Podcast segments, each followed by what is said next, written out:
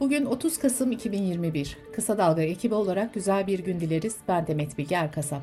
Gündemin önemli gelişmelerinden derleyerek hazırladığımız Kısa Dalga Bülten başlıyor. Cumhurbaşkanı Erdoğan, Türkmenistan dönüşünde uçakta gazetecilerin sorularını yanıtladı. Erdoğan, kur ve fiyat artışı ile ilgili şunları söyledi. İktidara geldiğimiz ilk günden bu yana ekonomideki tezimiz düşük faizdir. Bugün de ben yine aynı tezi savunuyorum ve buna inanıyorum. Eğer ben de ekonomi tahsili görmüşsem ve bilgim varsa faiz sebeptir, netice değildir, enflasyon neticedir. Ben hiçbir zaman faizin yükseltilmesini savunmadım, savunmayacağım. Asla bu konuda taviz vermem.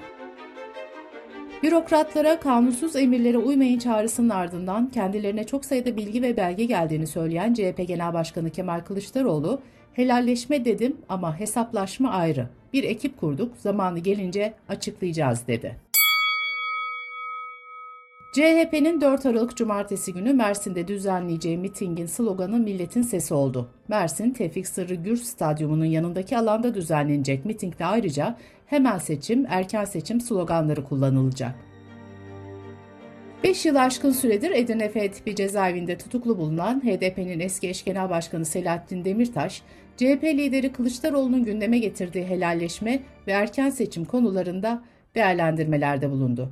Demirtaş, Helalleşme konusu ekonomik krizden çıkışında anahtarlarından biridir dedi. Demirtaş ayrıca derhal seçime gidilmezse toparlanması zor bir yıkım yaşanacak görüşünü paylaştı. Parti teşkilatlarına seçim mesajı veren Saadet Partisi Genel Başkanı Temel Karamollaoğlu, seçimlerde hile oluyor, çeşitli şekillerde oluyor.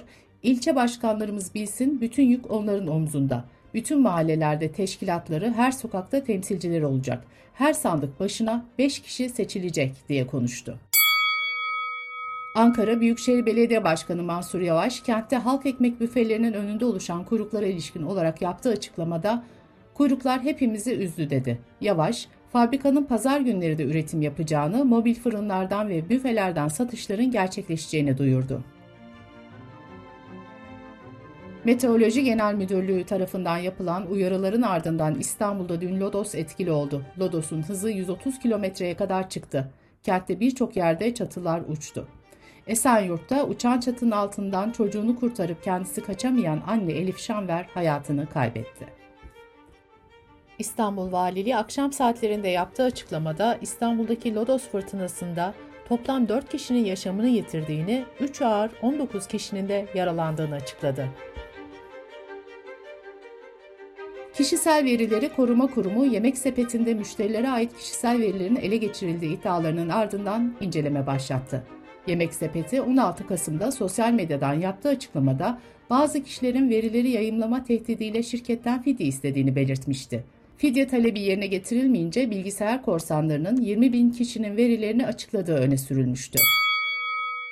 Sivas'ta İmranlı Belediye Başkanı Murat Açıl makam aracıyla yaptığı kazada yaşamını yitirdi. Aynı kazada ikisi çocuk 7 kişi de yaralandı.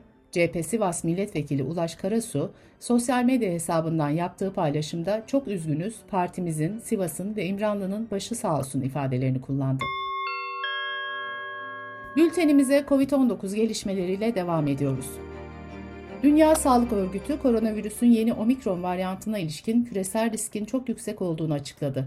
Şimdiye kadar omikron varyantı kaynaklı ölüm bildirilmediğinin altını çizen örgüt, aşılananlar arasında da vakalar görülmesini beklediklerini ama bunun küçük bir oranda gerçekleşeceği öngörüsünü paylaştı. Pegasus ve Türk Hava Yolları yeni COVID-19 varyantı nedeniyle Fas'a uçuşları askıya aldı.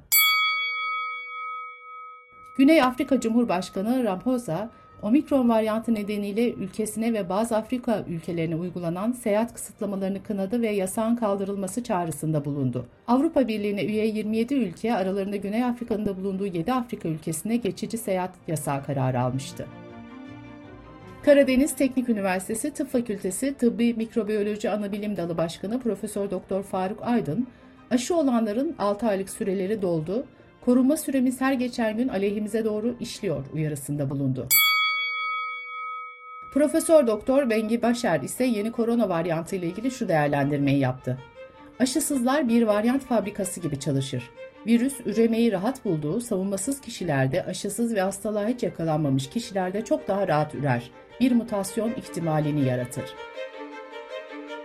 Korona vakalarının artması nedeniyle Almanya'da hastanelerin dörtte üçü ortopedi gibi uzmanlık dallarında ameliyatları ertelemeye başladı. Adalet Bakanlığı ceza infaz kurumlarında alınan COVID-19 tedbirlerinin bilim kurulunun tavsiyeleri doğrultusunda güncellendiğini ve yeni düzenlemeyle açık görüşün 1 Aralık'ta başlayacağını duyurdu. Sırada ekonomi haberleri var. Türkiye İstatistik Kurumu verilerine göre Kasım ayında %2'lik düşüşle 99.3 seviyesine gerileyen ekonomik güven endeksi 4 ay sonra eşik değerin altını gördü.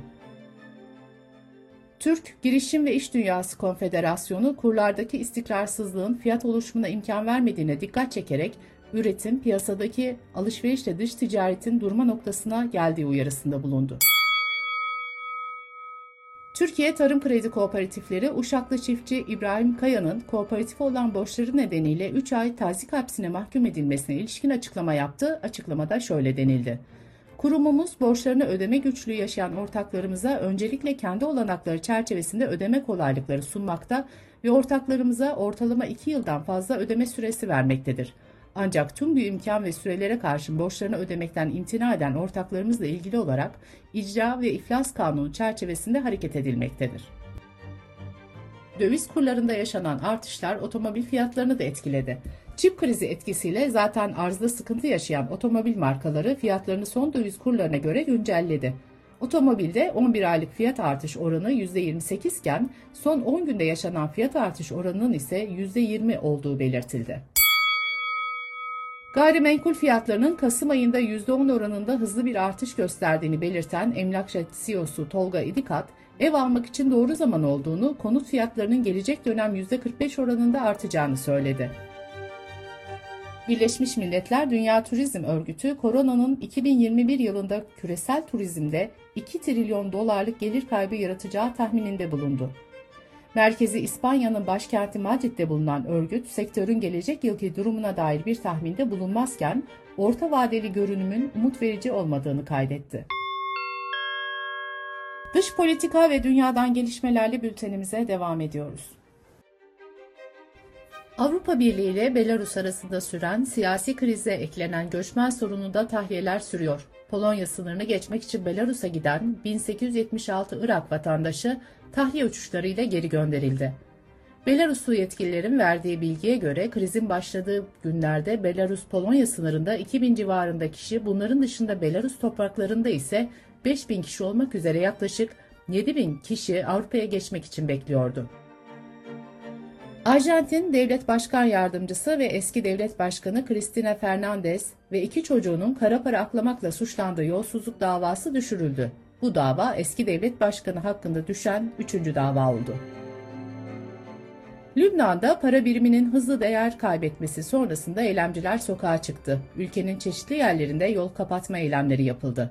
2019 yılından beri devam eden ekonomik kriz protesto edildi. Bültenimizi kısa dalgadan bir öneriyle bitiriyoruz. Profesör Doktor İlhan Uzgel, Birleşik Arap Emirlikleri Veliaht Prensi Muhammed Bin Zayed'in Ankara ziyaretini değerlendiriyor. Ziyaretin Türkiye ekonomisini tek başına kurtaracak bir hamle olmadığını belirten Uzgel, siyasal ve stratejik açıdan bakıldığında ise Birleşik Arap Emirlikleri'nin şimdiye dek kurduğu ilişkiler ağını Türkiye için yeni baştan dizayn etme ihtimali yok diyor. Kısa Dalga.net adresimizden ve podcast platformlarından dinleyebilirsiniz. Gözünüz kulağınız bizde olsun. Kısa Dalga Medya.